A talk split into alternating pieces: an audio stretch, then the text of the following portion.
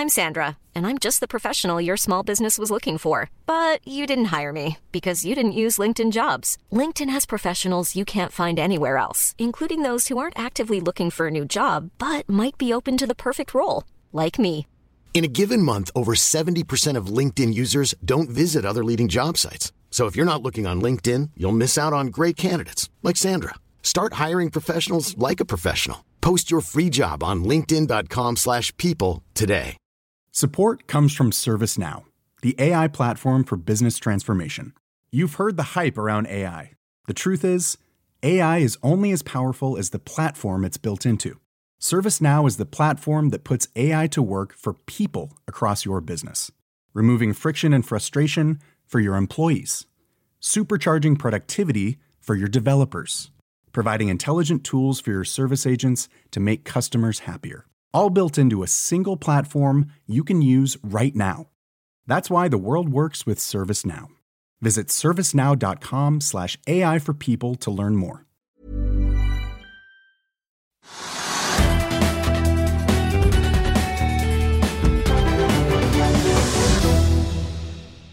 Velkommen til Økonominyhetene og en ny uke, får vi si. Det er mandag 17. januar, og etter en uke i pluss i forrige uke har det svingt litt på hovedindeksen i dag. Vi ligger nå rett rundt eh, null, og oljeprisen eh, til tross den er altså nesten 86 dollar fatet nå, hvis vi ser på prisen for et fat nordsjøolje i spotmarkedet. Det er opp 2,2% Samtidig er både Equinor og Aker BP ned ca. 1,3 i dag, og det tynger jo da hovedindeksen i og med at særlig da Equinor utgjør såpass mye. Ser vi rundt oss på børsene i Europa, så er det egentlig grønt rund baut, og egentlig ser vi dermed litt motsatt av det vi så fredag, da det var Oslo Børs som utmerket seg med å være i pluss.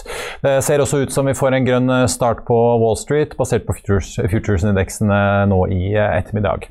Aksjene som bidrar til å trekke indeksen opp i dag, er bl.a. seismikkselskapet TGS, som vi skal få teknisk analyse av om litt. Det som også bidrar, er oppgangen i Elkem, Nordic Semiconductor, hydrogenselskapet Nell og Aker Solutions. Og dagens gjest er Geir Atle Bore, som er en av gründerne og daglig leder i Funding Partner. Men først skal vi ta en liten titt på andre markedsnyheter. Det brygger opp til kamp om fiskeoppdretteren NTS. Aksjen er opp 13,5 til 105 kroner og 50 øre etter at en aksjonærgruppe som sitter på over 50% meldte at de vil kjøpe opp resten av selskapet for 105 kroner. Det verdsetter fiskeoppdretteren til litt over 13 milliarder kroner, og premien på den kursen er omtrent 13% over det vi så NTS-kursen ende på på fredag. Altså. En annen aksje som er opp rundt 13 det er teknologiselskapet og analyseselskapet Meltwater, som stiger etter en oppdatering fra selskapet på salgsutviklingen i desember. Det ble satt ny rekord for bestillingsvolum, og den aksjen har jo tidligere fått en god del juling på børsen, og har med dagens oppgang hentet seg inn sånn at utviklingen siden nyttår nå er på minus 4,3% En annen teknologiaksje som har falt mye det siste året, er Link Mobility. Den kursen er jo nå nede i 15 kroner mot rundt 60 for et års tid siden. Handelsbanken tar opp dekning på Link Mobility og sier nå at de har kursmål på 25 kroner med en kjøpsanbefaling. Det er 66 over dagens kurs, og Link Mobility er opp 2% Så får vi også ta med at en av grunnene til at Elkem stiger såpass mye i dag, er kanskje at Pareto-analytiker Kenneth Sivertsen, er ute med en oppdatering. Han forventer sitat, en fantastisk kvartalsrapport fra Elkem når tallene legges frem om tre uker. Han hever kursmålet og ser en 50% oppside i den kinesisk-dominerte industrikjempen. Lakseoppdretteren Movi meldte mandag at de i fjerde kvartal hadde et operasjonelt driftsresultat på ca. 146 millioner euro. Det er noe lavere enn analytikernes forventninger på rundt 160 og den aksjen er ned 2,3% i dag. Nordic Semiconductor stiger nesten 5% Deutsche Bank har hevet kursmålet til 350 kroner. Det er nesten 25% over dagens kurs. Så får vi ta med at hydrogenselskapet Hynion klatrer 9% etter at de i morges kunne melde om en ny avtale i Sverige. Før vi kjører videre, så vil jeg bare minne om at hvis ikke du rekker å se denne sendingen, så kan du også høre den ved å søke opp Økonominyhetene på Spotify, Apple Podcast eller der du hører på podkast. Vi skal over til dagens store taper. Resultatene av en havvindauksjon i Skottland har nemlig sendt bølger rett over Nordsjøen og inn på Oslo Børs. Crown Estate i Skottland annonserte tidligere i dag resultaten av den såkalte Scotwind-auksjonen, der både små og store, norske så vel som internasjonale aktører, har kjempet om å vinne frem for å utvikle havvind utenfor kysten av Skottland. På vinnerlisten finner vi selskaper som bl.a. de norske aktørene Bonheur, Magnora og BV Ideol, samt energigiganten Shell, BP og svenske Vattenfall. For Magnora ble det en veldig hyggelig dag på Oslo Børs. Aksjen er oppe over 17% mens for andre ble det surt, for eh, verken Equinor, Mainstream eller Aker Offshore Wind vant gjennom, viser en oversikt som nyhetsbyrået TDN har satt sammen. Og eh, Det er jo da Aker Offshore Wind som er den store børstaperen i dag, og hvorfor denne voldsomme reaksjonen, det tok vi en prat med en analytiker om litt eh, før sending. Nå har vi med oss analytiker Anders Holte i Kepler eh, Anders, jeg får vel begynne med å spørre deg om dette fallet. Hvorfor tror du aksjene reagerer så kraftig i Aker Offshore Wind i dag? Nei, Det er jo resultatene fra Scotwind som ble annonsert i dag tidlig. Som dessverre ikke gikk helt veien for Aker Offshore Vind. Det er jo den første store flytende havvindsrunden som vi har hatt i Nord-Europa. Og klart det er en av to lisensrunder som vi har sett på som eh, relativt viktig for eh, Aker Offshore Vind. Ja, for Kan du si litt om hvor, eh, hvor, avgjørende det akkurat denne auksjonen er? De har jo på en måte trukket frem Skottland som et fremtidig kjernemarked for dem? Ja, altså Skottland og Storbritannia har jo vært et satsingsområde for Aker-gruppen ganske lenge. Spesielt gjennom Aker Solutions. Eh, så at de trakk fram Skottland, og at de har trukket fram det som en viktig runde for dem, det er nok egentlig en naturlig konsekvens av der de kommer fra, altså Aker-systemet. Eh, klart, Vi visste jo allerede i høst at konkurransen inne i eh, kom til å bli særdeles tøff. Det har vært 74 eh, tilbydere. Så det har jo vært en eh, grusomt høy interesse, og vi hadde nok også forventa at konkurransen kommer til å bli ganske skarp. og Det ser vi også i dag. Eh, men klart, det her, er, det her, er, jo en av to runder som vi har pekt på, som vi tenker at de bør lande prosjekter enten i Skottland eller da aller helst i Norge. Eh, vi så jo, eh, nå har jo da andre aktører som eh, ikke minst da store, tunge BP vunnet frem, men også andre norske aktører som Bonheur og, Magnora og BV Ideol. Mens altså Equinor og, og Mainstream og Aker Offshore Wind ikke ser ut til å ha kommet gjennom. Den andre runden som er avgjørende for Aker Offshore Wind, hva tenker du på da? Det er jo det som skal skje i Norge. Ja. Der er de jo nesten ja, hvor, altså vi har en kjøpsanbefaling med det som ser ut til å være ganske friskt kursmål på 10 kroner. Og klart det, Men det kursmålet er jo satt med en tanken om at det er en relativt stor sannsynlighet for at Aker Offshore Vind får noe i Norge. Eh, men klart det her skifter jo litt sannsynlighetene om at eh, på relativen så vil nok sannsynligheten være noe mindre for at de får noe i Norge. Fordi konseptet til eh, Akershusfin kanskje ikke helt har truffet det regulatoriske så godt som man har håpet, håpet på. Men nei, dette kursmålet ditt på ti kroner og kjøpsanbefalingen, er det under revurdering nå etter at de tapte i Skottland, eller eh, holder du det frem til du ser hva resultatene blir i Norge?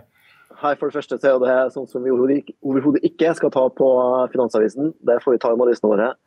Men uh, jeg syns jo at uh, Aker Offshore Vind og Aker-systemet har en uh, fair sjanse i runden som kommer i Norge. Så får vi se litt hva den runden i Norge blir, blir til. da. Altså Hva slags subsidieregime de legger seg på, og hvordan de legger opp hele den flytende satsinga som skal komme i Norge. For klart, Vårt punkt til enhver tid har jo vært at det er den flytende biten i Aker Offshore Vind du er etter. De, bunnfaste prosjektene. Dertil også de bunnfaste, den bunnfaste biten av det som kommer i Norge, vil være såpass konkurranseutsatt at jeg tror vi egentlig ikke Akersjøvin har eh, det som trengs for å komme gjennom. Men på flytende så tror vi definitivt det. Til slutt, eh, Det har jo vært eh, spekulert i om det også kommer en emisjon i Aker Offshore Wind. Eh, vi har jo sett at Aker har kjørt emisjoner i Aker Carbon Capture, det andre selskapet som ble spunnet ut av Aker Solutions. Tror du at de vil hente kapital i dette havvindselskapet når det ikke er noe særlig store inntekter som kan fylle kassen foreløpig? Altså, det er helt soleklart. Den dagen Aker Offshore Wind lander et prosjekt på 250-500 megawatt med flytende havvind, så har de et kapitalbehov. Og da tenker vi at da er det naturlig å gjøre en revisjon. Men før de har sikret seg noen prosjekter, så bør de jo ha hvert fall nok til å holde seg gående en stund til. Men det, det er jo helt åpenbart det når du ser på investeringsbehovet i de flytende havvindprosjektene som eh, nå kommer. og Skottvind er jo, Der er det jo noen prosjekter som er virkelig fryktelig store, altså på skala som vi ikke har sett før. Så det er helt klart at den, eh, den kontantposisjonen som Aker Offshore Vind har, den er jo ikke nok til at de kan få funda et helt sånt utbyggingsprosjekt. Så får de et prosjekt, så må de ut og hente penger. Anders Holt i Kepler Chevrolet, takk skal du ha. Og ser vi på aksjemarkedet nå, så er eh, Aker Offshore Wind ned ja, 16% så ganske brutal nedgang i dag. I motsatt ende finner vi altså BV Ideol, som er opp nesten 28 Magnora opp eh, rundt 17% og Bonheur opp 3% da skal vi over til eh, det vi kan kalle en slags makroindeks, for den såkalte sykepleierindeksen er nå ute. Men hva er denne indeksen, og hva forteller den oss om boligmarkedet? Kollega Håkon Løtveit har vært nede hos eiendomsbransjen for å finne ut mer. Hva er eh, sykepleierindeksen? Sykepleierindeksen er en måte å måle om bolig er dyrt på eller ikke. Og det man gjør er at man tar en gjennomsnittlig sykepleierlønn på 600 000, og så ser man hvor mye sykepleieren eh, får lov til å låne med en sånn lønn. Og så går man og ser på hvor mange boligene eh, som selges i løpet av et år, sykepleieren da kan kjøpe i de ulike lokalmarkedene. Og Hva er poenget med det? Poenget er å illustrere om bolig er dyrt eller ikke, og det er bl.a. viktig når man skal utforme boligpolitikk og diskutere boligspørsmål. Hva viser så sykepleierindeksen i år? Sykepleierindeksen i år viser at det blir vanskeligere for sykepleierne å kjøpe bolig alle steder i Norge utenom Ålesund. Eh, I Oslo-området mellom 1 og 3 eh, Bodø 16-17% Tromsø 13-14% og de andre storbyene mellom 25 og 30% Så der er det ikke så dyrt. For Oslos del kan man kanskje tenke at eh, hva skal man med en sykepleierindeks som år etter år bare viser at det er bitte litt vanskeligere enn forrige år. Det er jo vanskelig uansett. I Oslo så kan man egentlig si at det er bygd en sånn slags boligprismur rundt byen, som, som vil ekskludere veldig mange som ikke har tilgang på egenkapital eller foreldrehjelp, hvis de er single, vel å merke. Byrådsleder Raymond Johansen og politikerne spiller en avgjørende rolle for hvordan boligmarkedet utvikler seg. Her er hva han hadde å si om tallene som kom frem i dag. Samtidig er det mange som forsøker å gjøre et inntrykk av at det fremdeles bygges altfor lite i Oslo. Ja, Raimond Johansen, Hvordan er det å lede en by som er blitt så vanskelig å bosette seg i? Det er en del av utfordringene i en by som har vært i så kraftig vekst. Eh, og eh, det er klart at eh, det er jo bekymring nå at helt vanlige folk ikke har råd til å etablere seg og kjøpe en bolig her. Fordi at eiermodellene har jo vært noe av den suksessen vi har hatt i Norge siden annen verdenskrig. Så det trengs statlige tiltak. Og så prøver vi å bidra noe sjøl, bl.a. med etableringen av denne Oslo-bolig. Og Oslo-bolig det er jo en veldig liten del. Da. Det er snakk om 1000 boliger eh, på noen år, og det er, det er mange som ønsker bolig i Oslo. Hva utover det lille bidraget er viktig for å, å få ja, vi, vi, ser på eh, også etablerebolig. Eh, også en løsning som skal kunne skaleres eh, opp. Den vil vi komme tilbake til mer i detaljer om ikke altfor lenge. Så ser man jo at veldig mange i etablererfasen de rømmer Oslo. Eh, folk som vil etablere familie, eh, stikker fra Oslo. Befolkningsveksten den er, er, svak. Eh, er du redd for at Oslo vil bli en sånn singelhusholdning av unge folk med, med kjemperike foreldre? Uh, nei, det er jeg ikke. Uh, nå har det vært en forsiktig, det er jo litt vanskelig, da, forsiktig uh, tilbakegang, men det er jo altfor sterkt uttrykk å si at man rømmer byen. Uh, fortsatt så er de fleste som flytter i Oslo, flytter jo til en annen bydel. Men de som får barn eh, fra før også, har jo vanligvis forlatt Oslo. Og det har ikke blitt noe mindre av den trenden der. At folk som skal ha barn, de, de kan ikke kjempe om eneboliger i Oslo by. Nei, Det er riktig. Så ser du jo eh, også i sentrumsbydelene så er det jo fullt på alle skoler. Så det er jo eh, fortsatt veldig, veldig mange som ønsker å bo i Oslo. Det er et uh, attraktivt uh, sted. Men vi har hatt en vekst på 200 000 på hele Trondheim by siden 2000. Og det er klart at uh, om veksten er noe mer forsiktig, så gjør jo, gjør jo ikke det noe. Men hovedårsaken nå til at man ikke har noe særlig vekst, er jo at innvandringen nesten har stoppet opp. For det er jo den som også har hatt en betydelig, en betydelig grunn for den økningen vi hadde fra 2000. Vil dere gjøre det lettere for familier for eksempel, da, å kunne komme tilbake til Oslo, eller at det er flere som etablerer seg her? Ja, det er jo det. Og det å ha boligreisen er jo også veldig viktig. Og det at hvis du tenker som også har vært et veldig press fra uh, mange utbyggere, er å gjøre noe med leilighetsnormen. At du skal kunne bygge enda flere små leiligheter.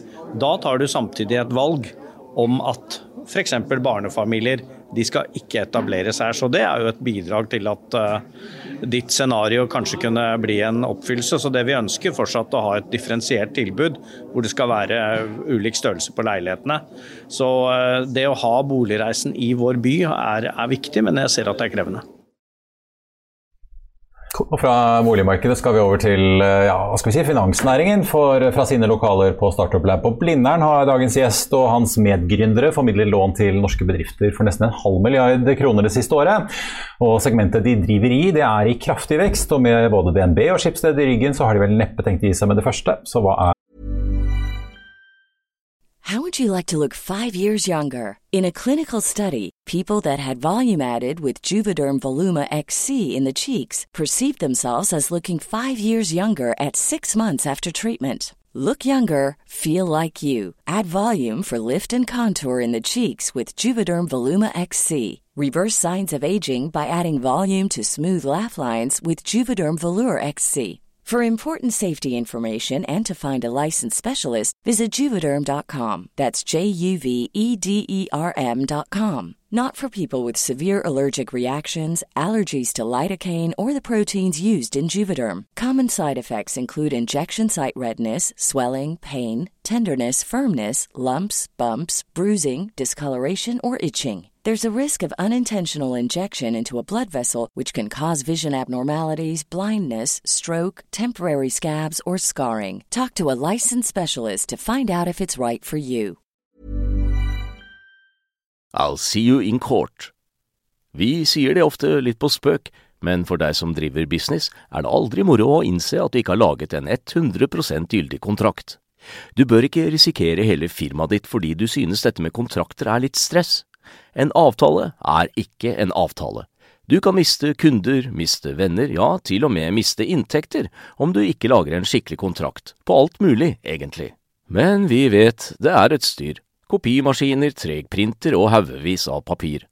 Dessuten stoler vi jo på folk her i landet. Det er ofte litt kleint å skulle be om en signatur for alt mulig, ja, for mye av styret handler også om jakten på underskriften. Det finnes en enkel måte å løse dette på, Dukkobit, en trygg, effektiv og get this, gratis måte å sikre seg en god natts søvn pluss en juridisk bindende avtale. Dukkobit-appen har de strengeste sikkerhetskrav i bunn, samt en EU-godkjent og sertifisert teknologi. Framover vil det bli behagelig å spørre du, skal vi skrive under på det, eller? Kom i gang på dukkobit.no. Planen nå? Velkommen til oss, Geir Atle Bore, medgründer og daglig leder i Fundingpartner. Takk, Marius. Dere ble jo stiftet i 2016, en ivrig liten gjeng som har bygget dette opp. Det begynner jo å bli en liten stund siden, og dere begynner jo å bli ganske store. For de som ikke kjenner crowdlending, hva går det egentlig ut på? Crowdlending går ut på at bedrifter søker om lån gjennom oss som plattform. Og så er det vanlige folk som Ola og Kari Nordmann, deg og meg, som da tegner seg i de lånene og får type 8-10% rente. Litt sånn mini-obligasjoner? Helt riktig.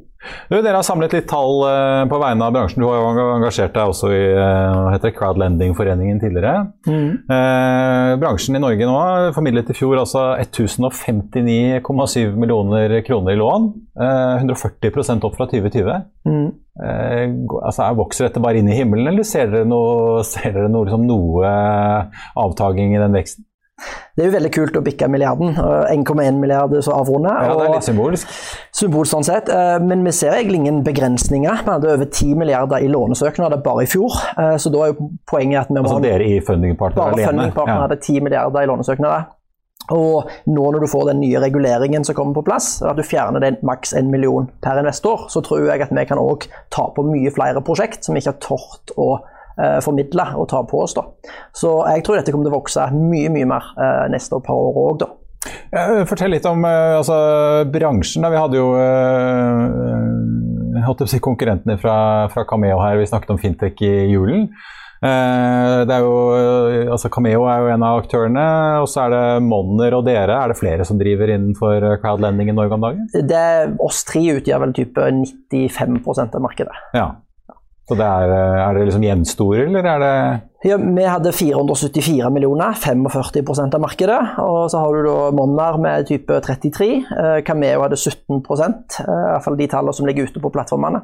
Ja. Så litt størrelsesforskjell, da. Så vi syns det er kult å være storebror. Men så når det går fra 441 millioner det ene året og liksom hopper opp Nei, unnskyld, det er bransjen dere gikk fra 220 til 470. Ja, eh, liksom fra år til år. Mm. Eh, over 100 eh, vekst. Det liksom, merker dere at det begynner å bli press i organisasjonen? For det er jo ikke så mange ansatte, en snaue 30 stykker?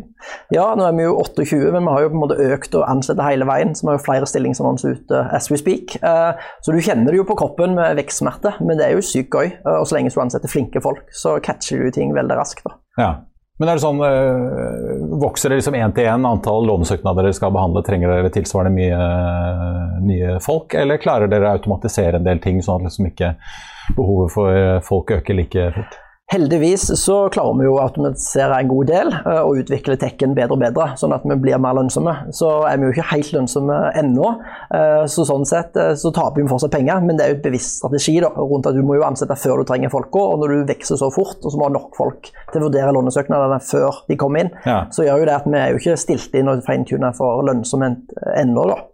Nei, altså, dere omsatte jo da i 2020 for 8,2 millioner, som er da på en måte provisjonen gebyrene dere tar for å formidle disse lånene. Det økte til 19,9 i fjor. Ja, nesten 20 millioner, så det er jo en fin 120 økning, noe sånt. Ja, Men dere går jo fortsatt i minus? Ja. ja. 10 millioner Tidligere har du jo sagt at du trengte omtrent 400 millioner i liksom årlige låneutstedelse for å gå i null. Ja, til for.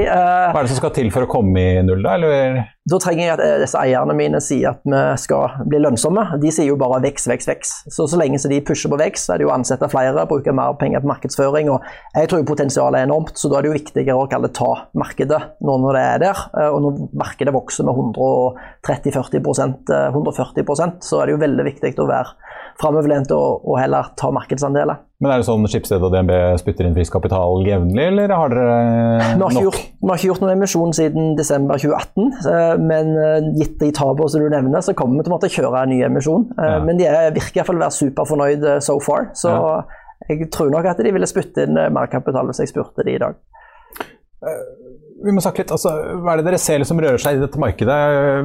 Hvis man går inn på disse plattformene til, til Fundingpartner eller Cameo eller Mother, så er det jo veldig mye eiendom. Eh, alt fra hyttebygging til eh, folk som pusser opp eller skal bygge ut igjen holdt jeg på sin gode gamle eplehageutbyggingen, eh, eller bygger ut noen rekkehuskomplekser. Mm. Eh, men hvor mye utgjør eiendom versus da mer tradisjonell annen næringsvirksomhet?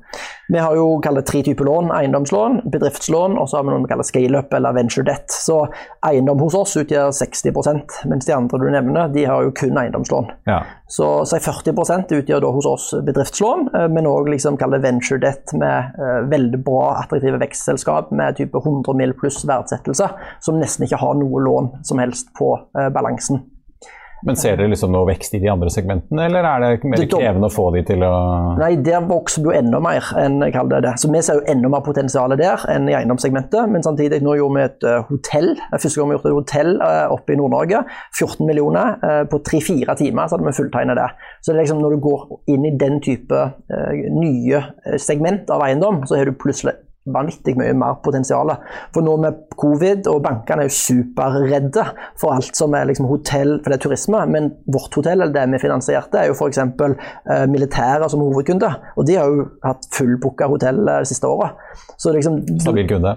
Exactly. Ja. Så liksom, du gjelder det å se vekk fra de tingene. Så med en gang bankene er forsiktige, så kan vi være litt mer framoverlent og ta den type kule case. Men hva er det som skal til for at dere blir en enda større måte, finansieringskilde for uh, småbedrifter? Da? Dere har jo lånt ut alt fra filmselskap uh, legekontorer, en kjøkkenbutikk eh, har jeg sett. Mm. Men er det liksom noe på regelsiden, eller er det bare at småbedriftene må bli mer kjent med denne formen for finansiering hvis de ikke får penger i lån i banken? Så begge deler hjelper jo.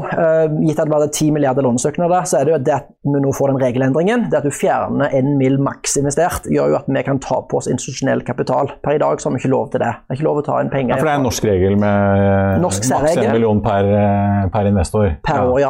Så den fjernes jo nå i år, forhåpentligvis. Q2, Q3 er det som er spekulert. Eh, og Da kan vi ta inn penger om det er for banker eller fond eh, og andre investerere. og Da vil vi vite hvor mye kapital vi har eh, klar, og da kan vi ta på oss enda større prosjekter. Og så er det også det å få ordet ut. De fleste bedrifter har aldri hørt om oss. Tenker banken er det eneste alternativet. Og da gjelder det òg markedsføringsbiten. Så begge de to tingene vil jo hjelpe. Ja.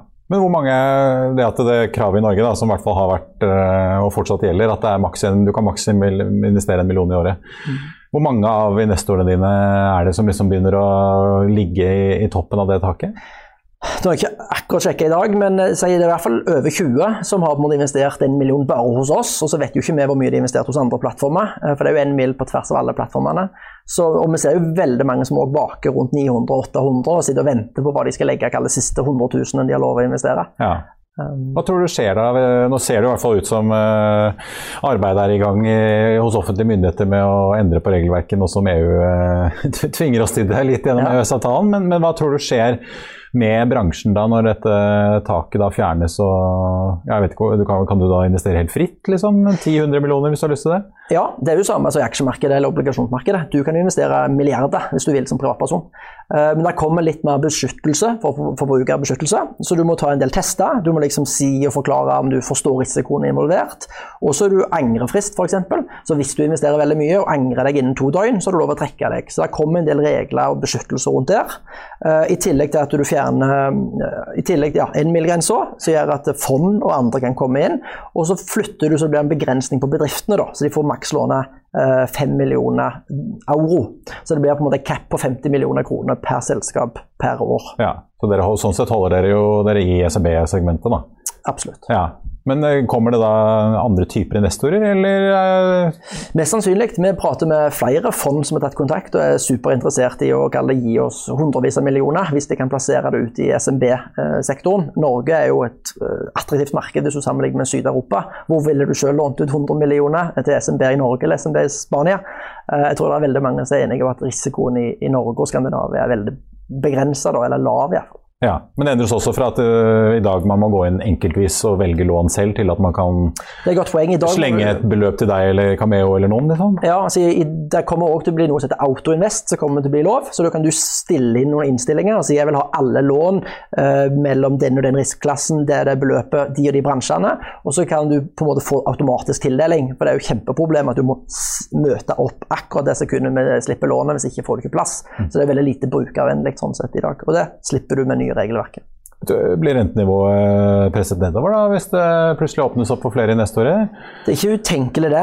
Eh, samtidig så er det jo ikke sånn at automatisk renta settes etter etterspørselen. Det er jo vi som på en måte setter renta, fordi at du skal slippe akkurat det problemet. Eh, og du har en liten dam, og da er det jo ikke riktig at markedet der skal sette renta. Så vi prøver jo å si hva er riktig rente etter krisa, og så er det heller førstemann til mølla som får, mm. som gjør at det er blitt såpass attraktivt per nå. da. Ja. Altså det er ikke gitt at uh, bedriftene får låne noe særlig billigere med det første? Nei. Nei. Geir Atle Bore i Funding Partner, takk skal du ha. Også, jeg vet ikke om du vil på slutten komme med en spådom. Eh, nå lånte du ut altså for 474 millioner i fjor. Hva tror du året ender med? Målet er jo en milliard. Da. Ta en milliard alene er vel målet i år. Ja. Da skal vi følge med og se. Og når er det disse nye reglene trår i kraft, tror du?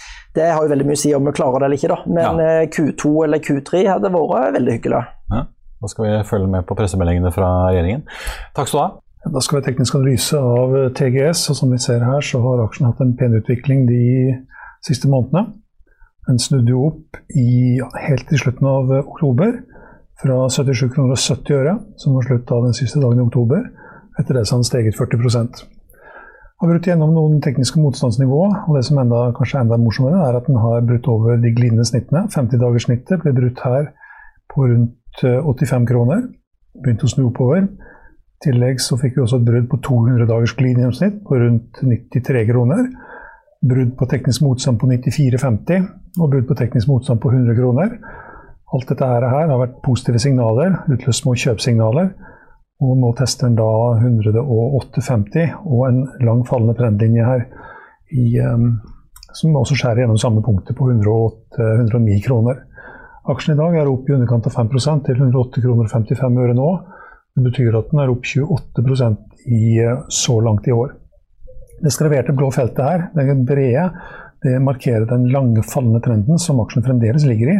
Den ligger også under midtlinja i den lange fallende trenden. Taket den ligger rundt 200 eh, kroner i øyeblikket. Og bunnen da er ned mot eh, i underkant av 70. Ser vi også at det er positive undertoner i RSI-diagrammet. Langsiktig positiv undertone som støtter da en fortsatt positiv utvikling på lang sikt. På kortere sikt har vi også en positiv undertone, men så ser vi at RSI begynner å komme opp i et uh, overkjøpt område. Over 70 er jo ofte det nivået som man uh, ja, sier at over 70 så er aksjen i et overkjøpt område, og at det da kan komme gevinstsikring og korreksjon. I så fall så er det teknisk eh, støtte ned mot i underkant av 104 kroner, og mer ned mot 100, og enda sterkere ned mot 200 dagers glidegjennomsnitt og 94,50-nivået. Eh, hvis vi ser litt lenger tilbake, vi kunne ha vist eh, aksjen tilbake til 2018. Da var den i all time high på 350 kroner og 10 øre den 8. august. Og så har da aksjen ligget i en fallende trend siden det. Høyeste nivået siste året er 161-62 eh, kroner, tilbake i mars i fjor. Hvis aksjen skulle korrektere tilbake, som sagt, så er det da teknisk støtte på disse nivåene her. Eh, RSI, så lenge den positive undertonen holder på kort sikt og på lang sikt, så kan eventuelle korreksjoner bli forbigående og gi nye kjøpsmuligheter. Har du ønsker om aksjevis kan analysere teknisk, kan du sende det til tvtips, krøllalfa, finansavisen.no.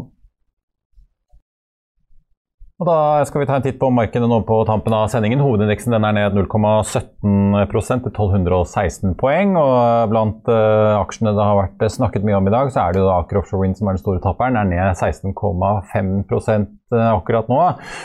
Mens ellers så ser vi at uh, i andre enden, de som stakk seirende ut av denne vinnerauksjonen i Skottland, har vi bl.a. Magnora opp 17,7% Bonheur opp 3,1 og BV Ideol opp 31,7 Ellers så får vi også ta med at uh, NTS er opp 13,98% etter meldingen om at denne aksjonærgruppen vil kjøpe ut selskapet for 105 kroner aksjen. Rundt oss eh, i Europa så er det fortsatt eh, grønt, og futuresene på Wall Street peker mot en forsiktig oppgang på de amerikanske børsene nå når de åpner om en halvtimes eh, tid. I Finansavisen i morgen kan du lese Trygve Egnars leder om flyselskaper, hoteller og konseptet eiertrygg. Du kan også lese om tidligere finansminister Larry Summers, som mener USA beveger seg mot akselererende inflasjon. Og det er selvfølgelig også masse annet markeds- og børsstoff å se frem til. Det var det vi hadde for i dag, men vi er tilbake i morgen klokken 14.30. I mellomtiden får du som alltid siste nytt på FA.no. Takk for at du så på, og så ses vi igjen i morgen.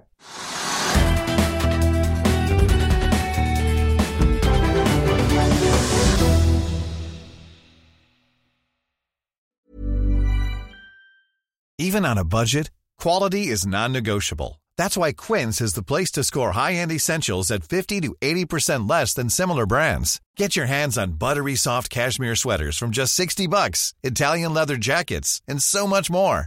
And the best part about Quince, they exclusively partner with factories committed to safe, ethical, and responsible manufacturing. Elevate your style without the elevated price tag with Quince. Go to quince.com slash upgrade for free shipping and 365-day returns. Support comes from ServiceNow, the AI platform for business transformation. You've heard the hype around AI. The truth is, AI is only as powerful as the platform it's built into. ServiceNow is the platform that puts AI to work for people across your business, removing friction and frustration for your employees, supercharging productivity for your developers, providing intelligent tools for your service agents to make customers happier. All built into a single platform you can use right now. That's why the world works with ServiceNow. Visit servicenow.com slash AI for people to learn more. Økonominyhetene er en podkast fra Finansavisen. Programledere er Marius Lorentzen, Stein Ove Haugen og Benedikte Storm Bamvik. Produsenter er Lars Brenden Skram og Bashar Johar. Og ansvarlig redaktør er Trygve Hegnar.